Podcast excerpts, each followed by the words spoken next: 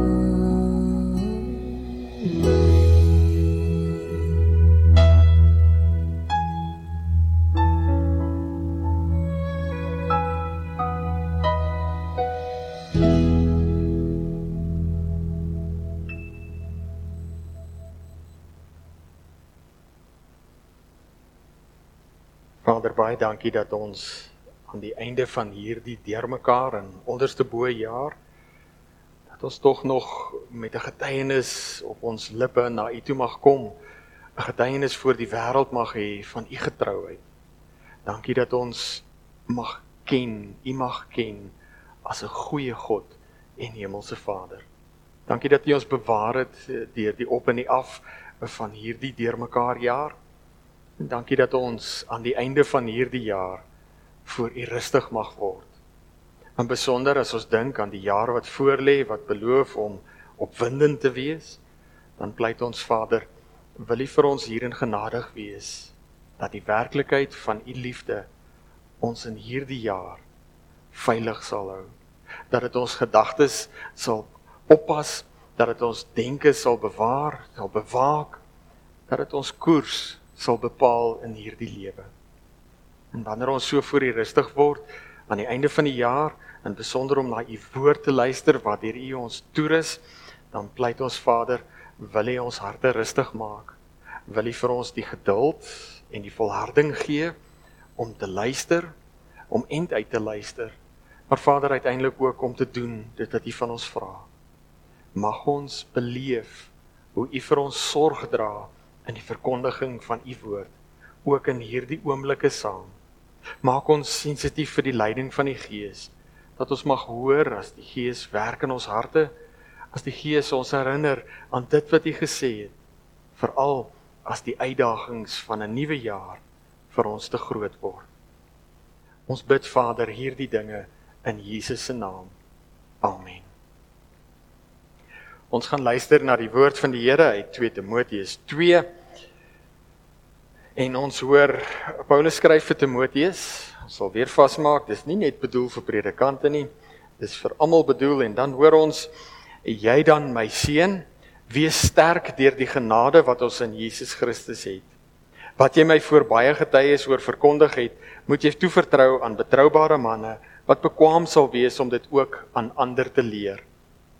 Dra jou deel van die ontberings soos 'n goeie soldaat van Christus Jesus. 'n soldaat in aktiewe diens wat sy bevelvoerder tevrede wil stel, bemoei hom nie met die dinge van 'n gewone van die gewone lewe nie.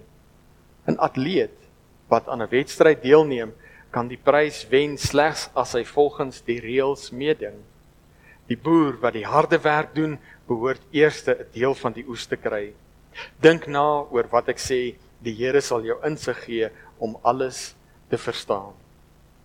Onthou altyd dat Jesus Christus 'n nakomeling van Dawid uit die dood opgewek is.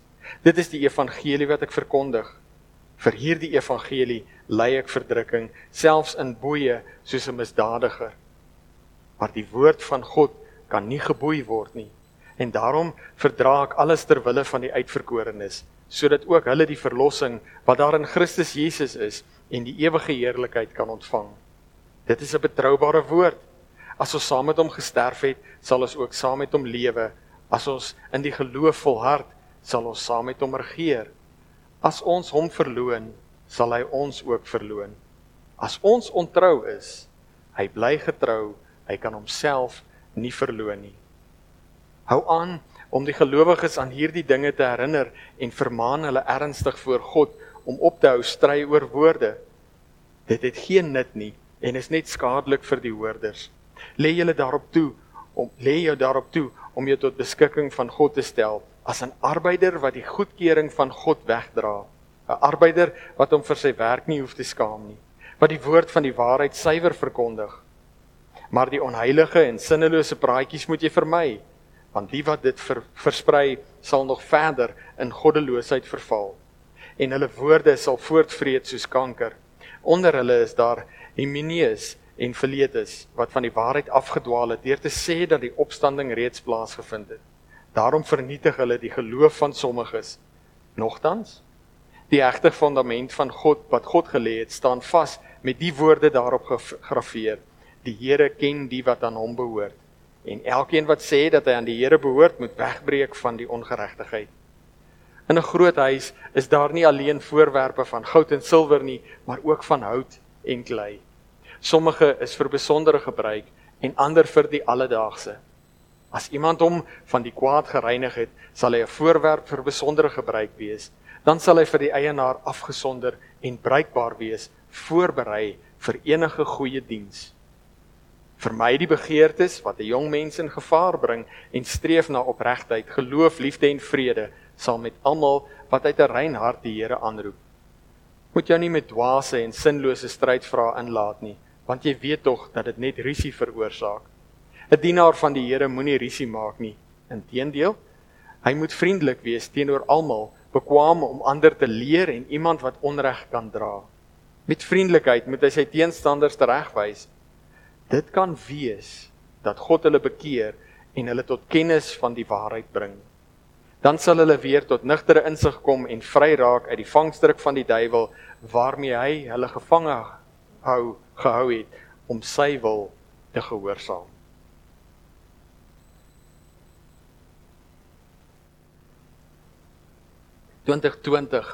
was 'n baie de mekaar jaar. 'n uh, 'n ontstellende jaar vir baie mense. Nie net vanweë die siekte nie, uh van COVID nie, maar ook vanweë die die ekonomiese gevolge van die die lockdown, die grendeltyd en dit wat daarop volg. En ons is nog steeds nie daaruit nie.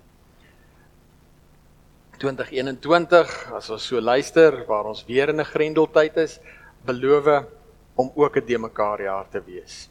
Nou baie van ons het gewens dat die jaar net verby sal kom, dat 2020 net verby kan kom.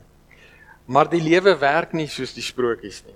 As poestertjie se wêreld het verander om 12 uur die nag en in ons lewe werk dit nie heeltemal so nie. Ons alledaagse lewe gaan aan. En dit laat ons met hierdie vraag, wat staan ons te doen?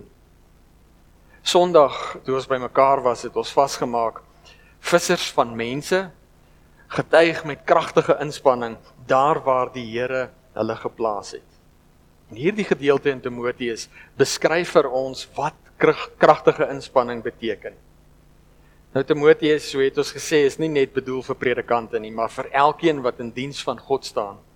In 2 Timoteus 3 vers 16 en 17 sê Paulus die hele skrif is deur God geïnspireer en het groot waarde om in die waarheid te onderrig, dwaling te bestry, verkeerdhede reg te stel en in die regte lewenswyse te kweek sodat die persoon wat in diens van God staan volkome voorberei en toegerus sal wees vir elke goeie werk.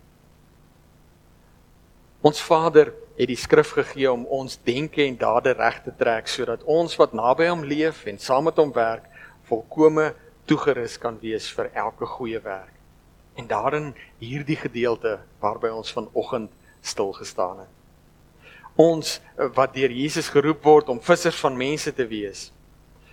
Ons staan voor die Here en vanoggend kom die Here in hierdie gedeelte vir ons duidelik maak wat beteken kragtige inspanning. En ons gaan dit hanteer hierdie gedeelte aan die hand van drie gedagtes: 'n dienaar en sy gesindheid, 'n dienaar en sy en haar geskiktheid vir diens en dan 'n dienaar en sy en haar of haar dienswerk. Maar voor ons daarmee begin met ons net vir 'n oomblik vasmaak. Wat dit beteken om vas te staan in die genade van Christus. Dienaars van die Here word geroep om sterk te wees in die genade van ons Here Jesus Christus. Nou Paulus beskryf dit in hierdie gedeelte dat Christus in ons plek gesterf het en dat hy getrou bly selfs al is ons ontrou. Nou as jy die genade van ons Here Jesus Christus nie ken en verstaan nie, gaan niks van vanoggend se toerusting uiteindelik vir jou sin maak nie. En daarom is dit goed om net so bietjie in te grawe op dit. Vergelyk ons skrif met skrif dan beskryf Paulus hierdie genade in Kolossense baie mooi. In 1 Kolossense Kolossense 1 ten minste. Hoor ons as Paulus sê, die seun Jesus is die beeld van God, van God wat self nie gesien kan word nie. Die seun is die eerste verhewe bo die hele skepping. God het deur hom alles geskep wat in die hemel en op die aarde is. Alles wat gesien kan word en alles wat nie gesien kan word nie.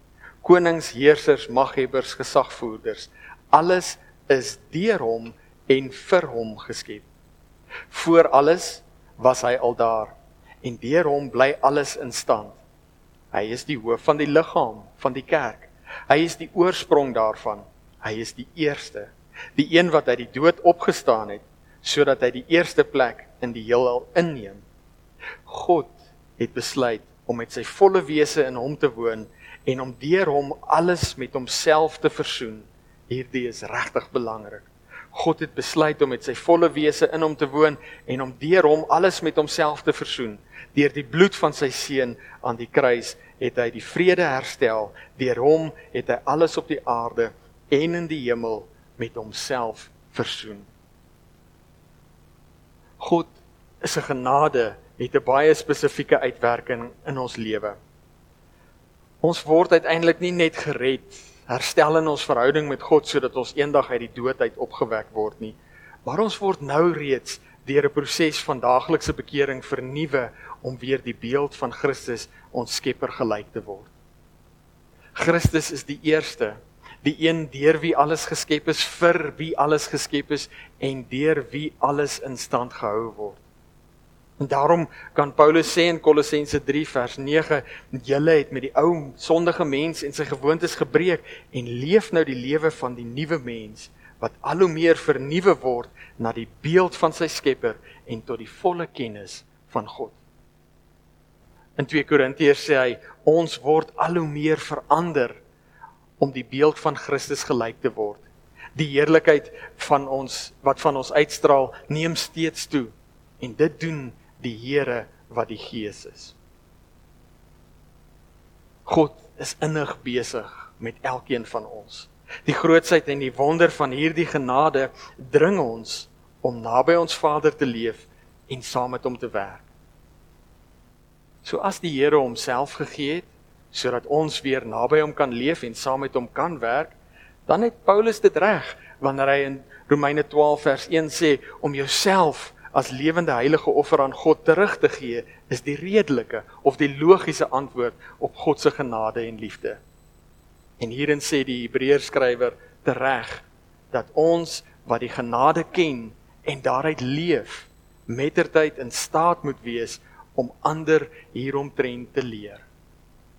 En daarom dit wat ons in Timoteus hoor is inderdaad nie net bedoel vir predikante nie, maar vir elke gelowige wat herstel in sy of haar verhouding met ons Vader, daardie genade van God leer ken het en daarom dit kan deel met die wêreld om ons.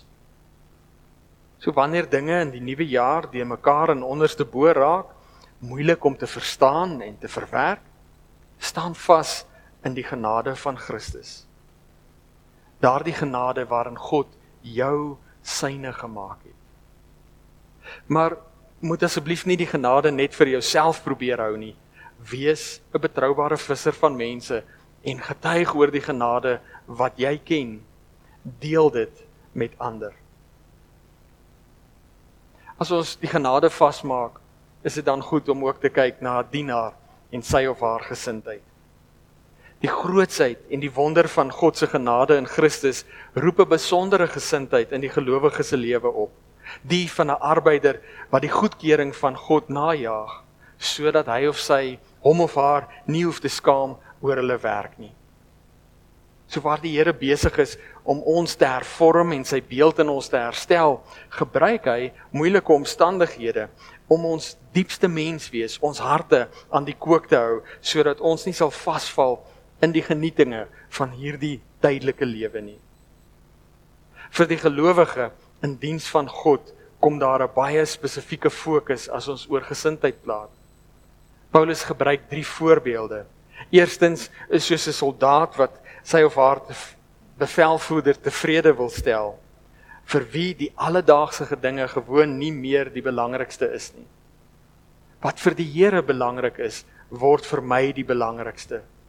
Met ander woorde my prioriteite verander. So wanneer dinge moeilik raak en jy wonder oor die pad vorentoe, onthou die Here is besig met jou. Hy's innig besig met jou. En kyk daarom by voorbaat na jou prioriteite. Sluk die alledaagse dinge jou lewe in? Is dit waarmee God besig is nog die belangrikste in jou lewe?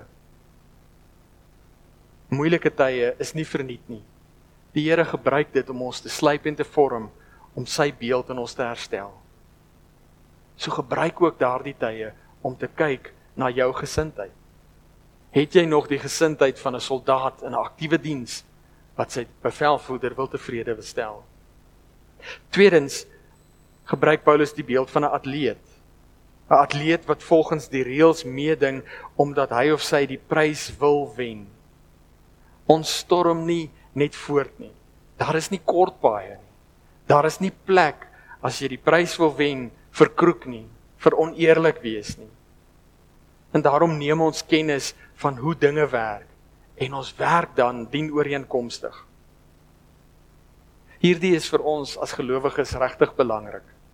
God se genade is nie goedkoop nie.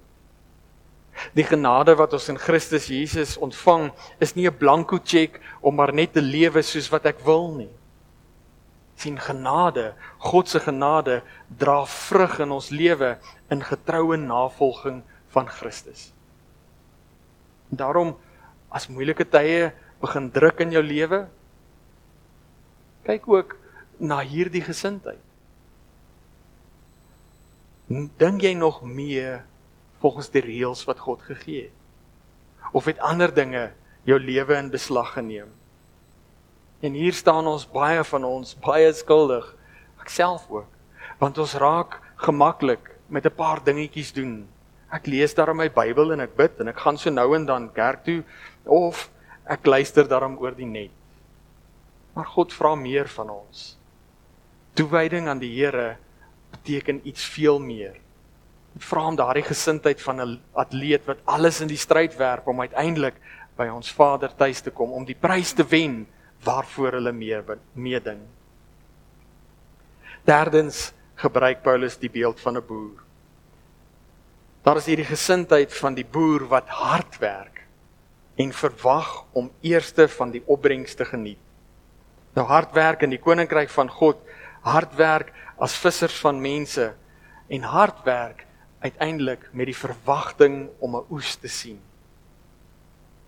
Dit is 'n belangrike ding veral in ons land, in 'n land waar baie mense klaarblyklik die evangelie ken.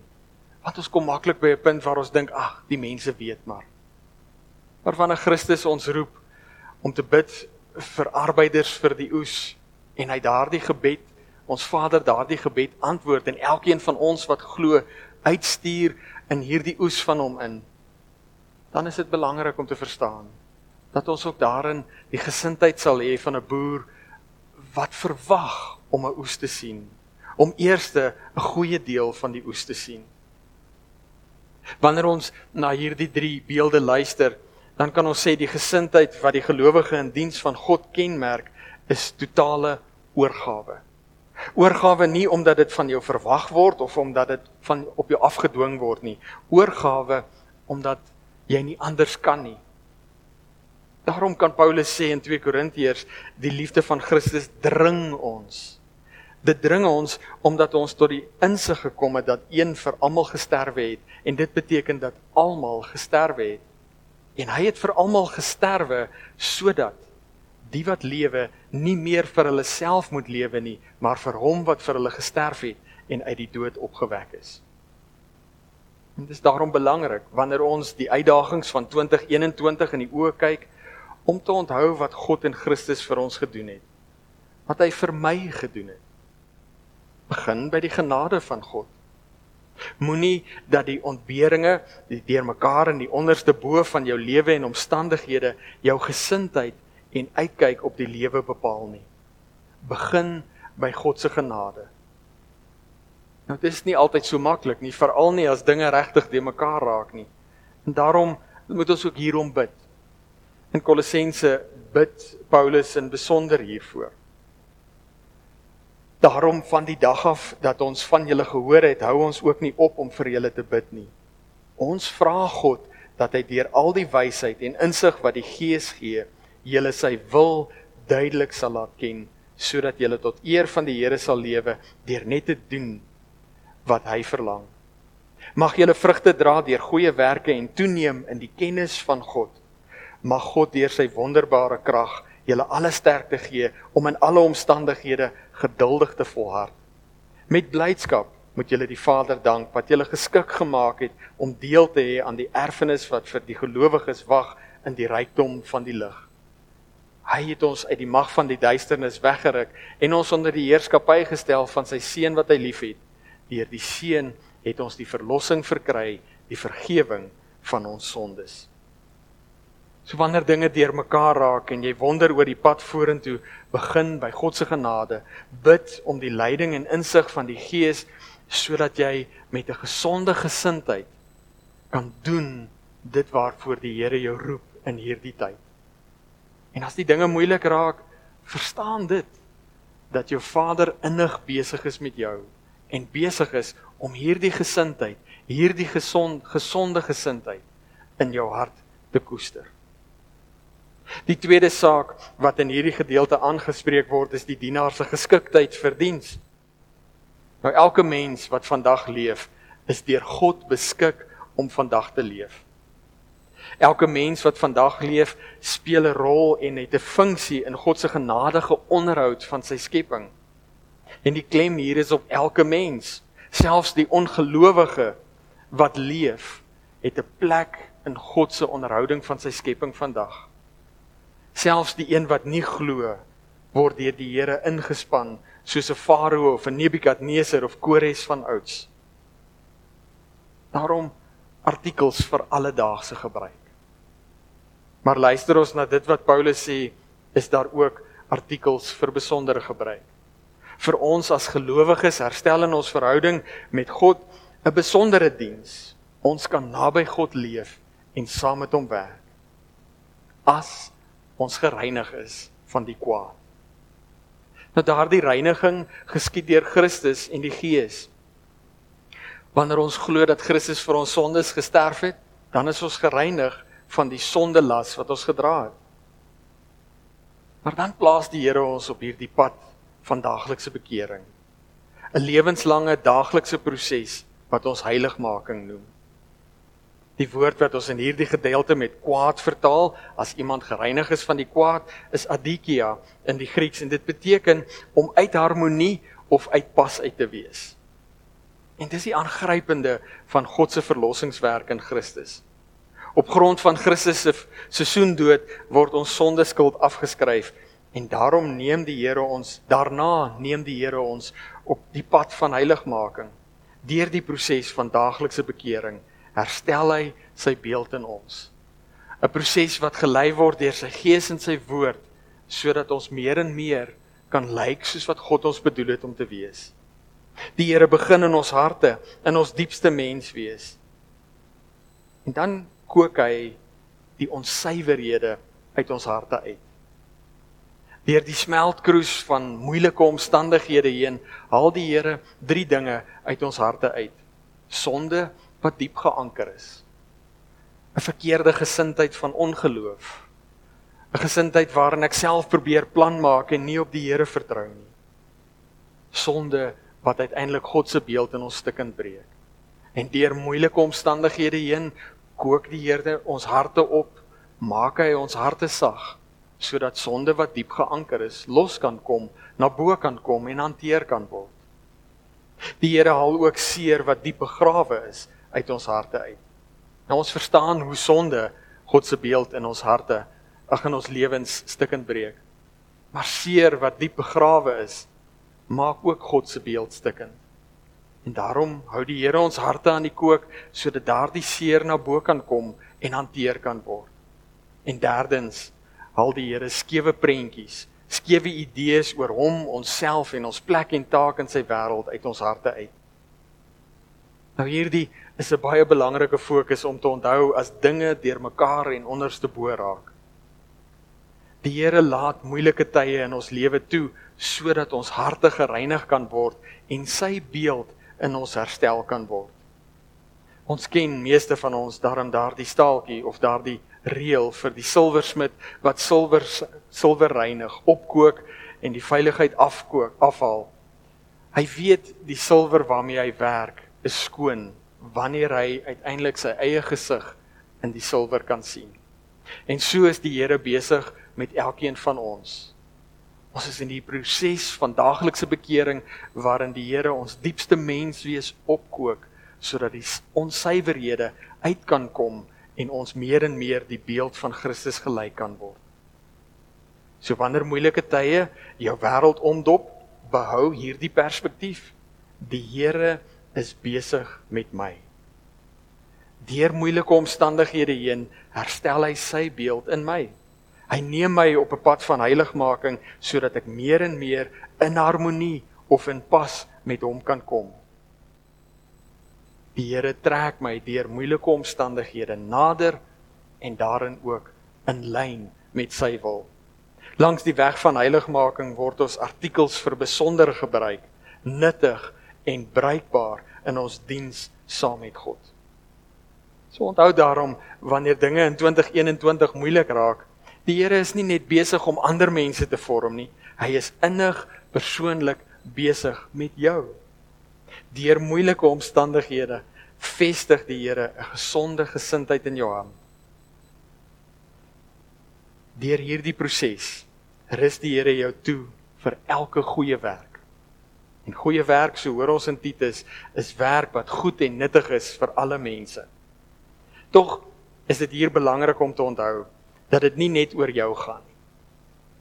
Dit waarmee God besig is, is uiteindelik gerig op alle mense. En daarom kan ons sê dat moeilike omstandighede ook werk soos 'n mikroskoop in ons lewe. Dit fokus in op die detail van jou hart en lewe. Op daardie kleinste dinge in jou hart en lewe. Maar dit stop nie net by jou nie. Want die Here is besig met sy verlossingsplan. En hierdie gedeelte eindig daarom heel gepas by God wat mense vrymaak uit die vangstruk van die duiwel. So moeilike tye werk daarom ook soos 'n teleskoop. Dit bring ander mense wat soms vir ons ver weg is nader. En dis nie net ander mense daar in ver lande vir wie ons bid nie. Dit kan mense in my eie gesin wees. Dit kan in my huwelik wees, in verhouding tussen ouers en kinders. Dit kan by die werk wees. Dit kan selfs in die gemeente wees.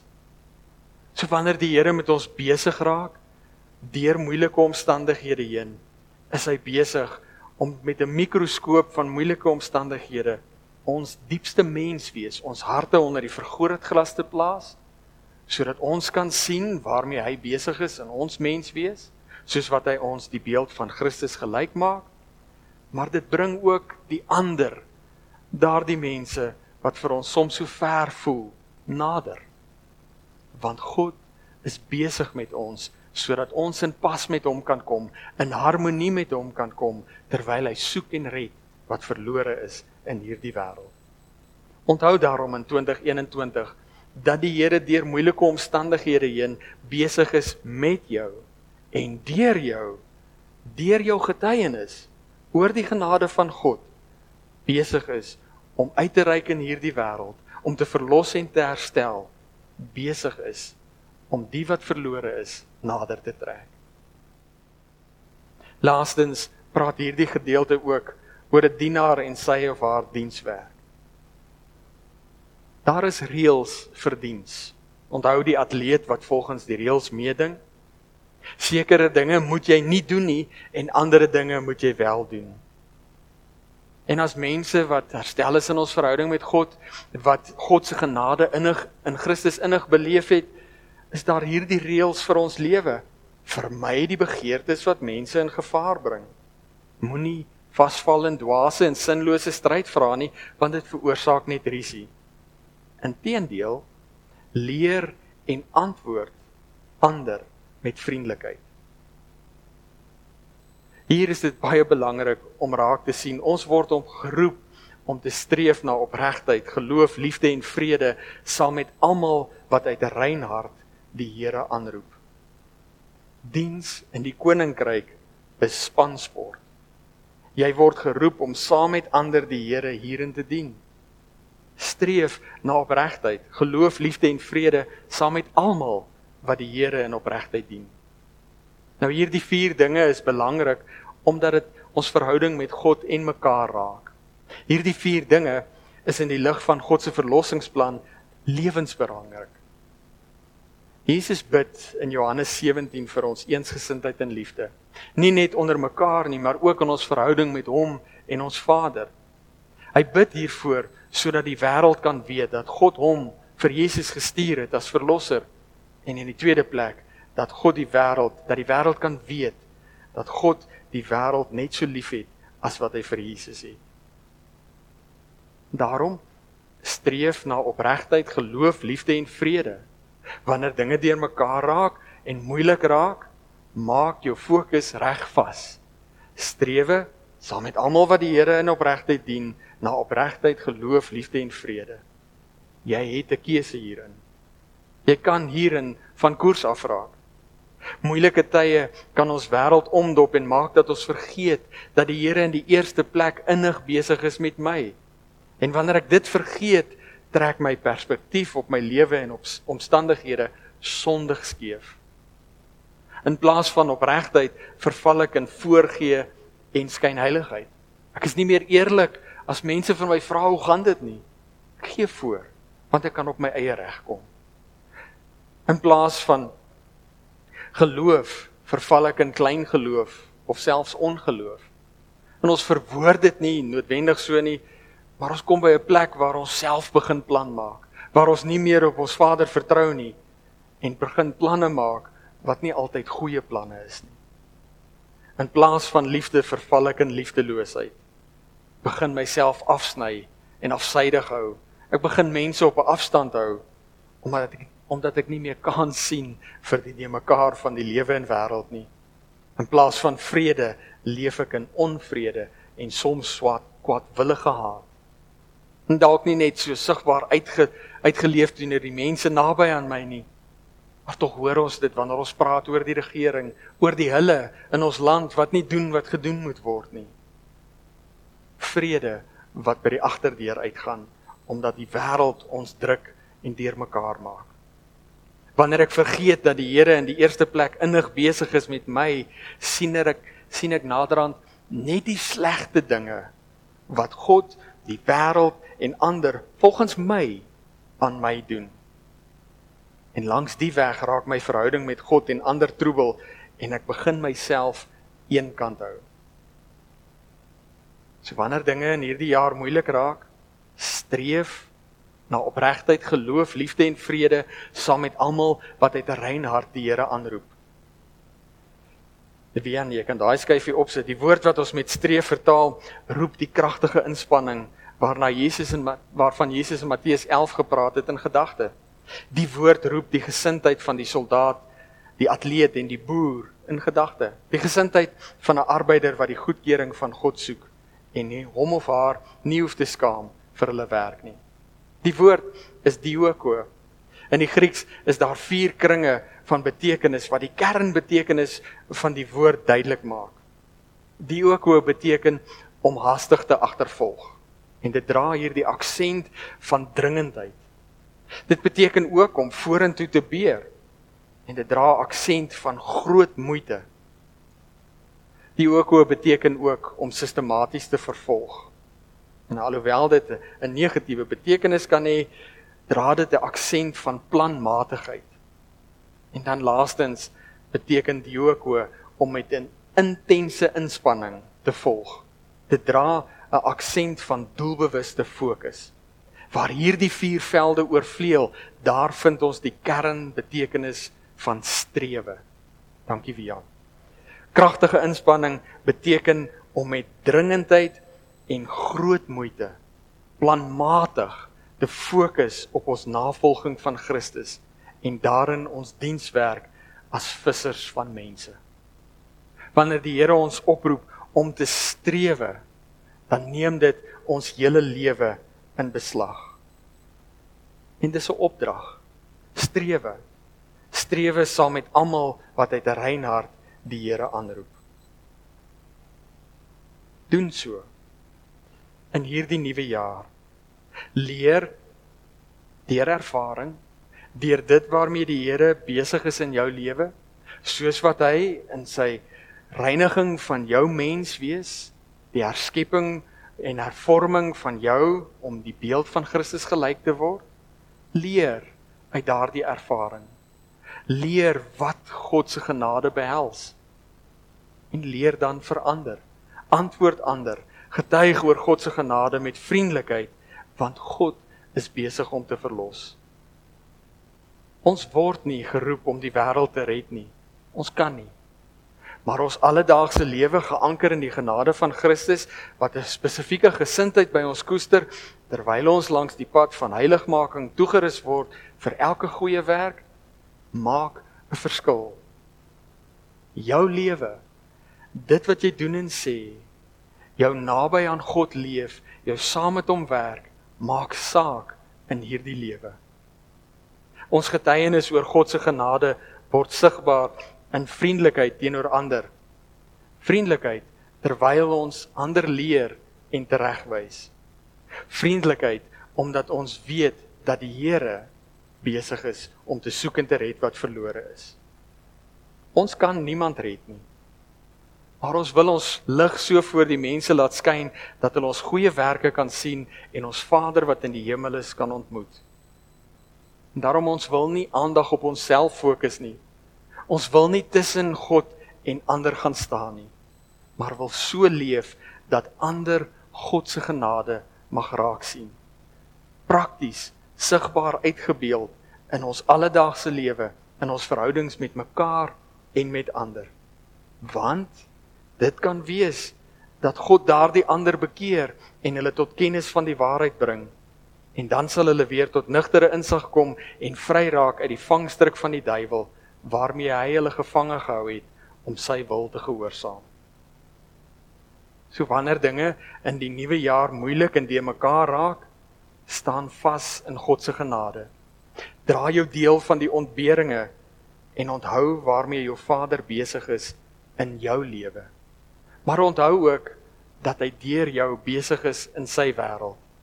Strewe na opregtheid, geloof en liefde en vrede saam met almal wat uit 'n rein hart die Here aanroep. En getuig van die goeie wat God in jou lewe doen. Amen. Kom ons bid saam.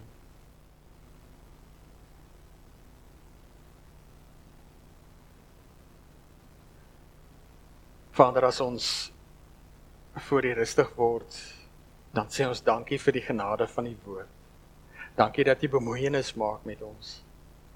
En as ons nou, as ons onthou dat jy in Hebreërs gesê het dat vaste kos vir groot mense is, volwassenes is, mense wat deur ervaring geleer het om tussen goed en kwaad te onderskei, dat hy ons roep om verder te gaan as die begindinge van die evangelie, dan wil ons Vader terwyl ons dink aan die onseker tye waarin ons leef in herinnering roep dat u besig is om ons toe te rus vir daardie dienswerk saam met u.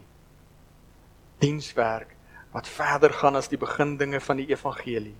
Verder gaan as die wete dat u my gered het maar dat u ook op soek is en besig is om te soek en te red hulle wat u nog nie leer ken het En daarom pleit ons Vader waar ons deur ons wêreld en omstandighede gekondisioneer word om maklik net na onsself en ons eie mense te kyk pleit ons Vader breek ons harte hierin oop vir U dat ons sensitief vir die leiding van die Gees by mekaar verby kan kyk en die menigtes mag sien wat nog moeg en hulpeloos is so skape sonder 'n herder Vader, wil U ons in hierdie tyd, die mekaar en onseker soos dit is, innig bewus maak van U teenwoordigheid.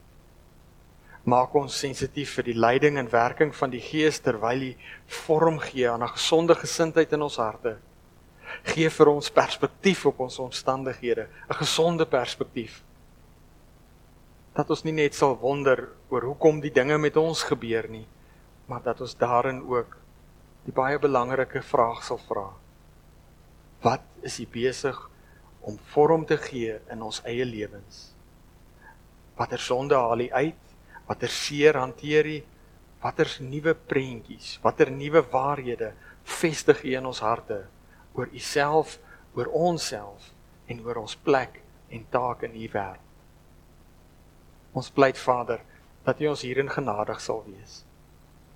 As ons so aan die begin aan die einde van hierdie jaar en die begin van 'n nuwe jaar voor die rustig word, dan weet ons Vader dat dinge waarskynlik nog moeiliker gaan word. Maar ons vertrou dat U wat regeer, ons hierin veilig in U hande sal hou. En daarom wil ons bid vir die menigte. Ons bid vir arbeiders vir die oes dat U deur hierdie omstandighede mense gereed en bereid sal maak, gelowiges gereed en bereid sal maak om op te staan as getuies van die genade wat ons in Christus ontvang het. Dat die harte sal oopbreek vir daardie boodskap dat jy oop deur sal gee. Dat daar vrug op ons arbeid mag wees wanneer ons die evangelie deel in ons getuienis teenoor ander. Ons pleit Vader vir 'n sensitiwiteit vir die leiding van die Gees in ons alledaagse lewe dat ons gesond na ons omstandighede sal kyk, maar bo alles Vader, dat ons daardie geleenthede sal raak sien waarin ons die genade wat ons in Christus ontvang het kan deel met ander. Vader, wil U ons hierin sterk maak dat ons getuienis vrug mag dra in U koninkryk. Ons wil bid, Vader, vir die owerhede en besonder vir ons staatspresident, vir die mense wat saam met hom in hierdie tyd moet regeer. En ons bid Vader dat U vir hulle sal seën met insig en wysheid, met geduld, met krag en volharding, sodat ons 'n rustige en stil lewe kan lei in toewyding aan U. Ons bid hierdie dinge in die naam van Jesus Christus, ons Here. Amen. Kom ons verwoord ons afhanklikheid van die Here deur saam te sing van Piet Smit se lied Kom Here Jesus kom is die oorwinningslied met daardie ekstra vers waarin ons ons vertroue op die Here verwoord maar ook ons verwagting dat ons veilig in sy hande is en dat hy terugkom en daarna sal ons bid om die seën van die Here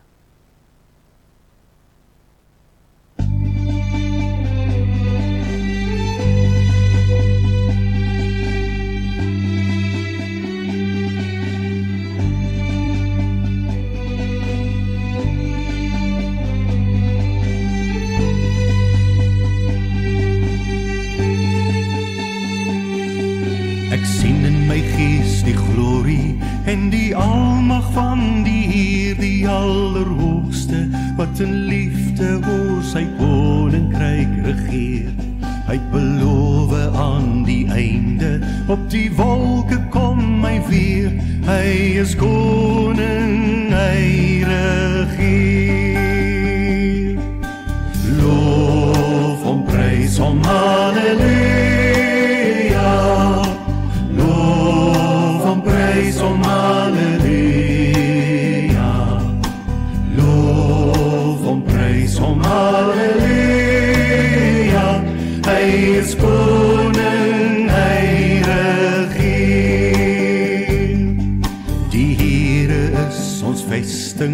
vir altyd sal bly staan hy beskerm elke mens wat in geloof na hom toe gaan Hy is ons skuilings, hy is ons wapen, hy het die vyand reeds verslaan. Hy is die rots wat ewig staan. Loof hom, prys hom, haleluja.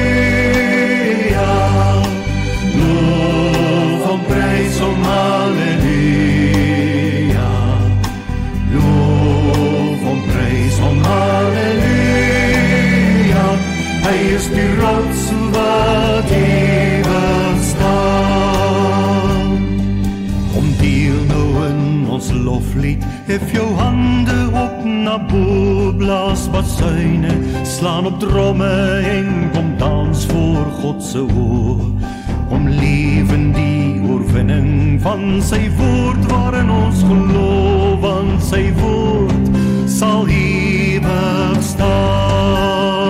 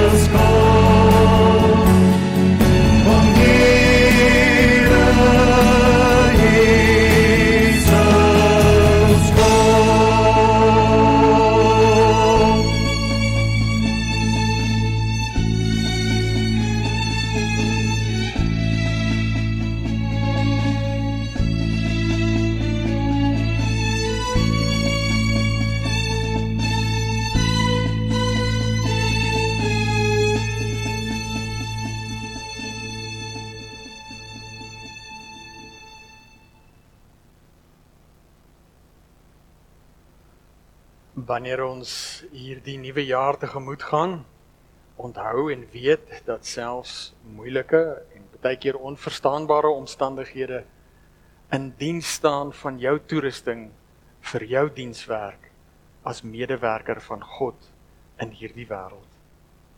Weet dat te midde van die omstandighede God by jou is en dat hy hierin ook jou seën vir jou dienswerk.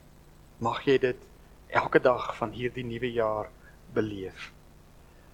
Die genade van ons Here Jesus Christus en die liefde van God, ons hemelse Vader en die troos, gemeenskap en leiding van die Heilige Gees is met u elkeen. Amen. Baie dankie en voorspoed en sterkte vir die nuwe jaar.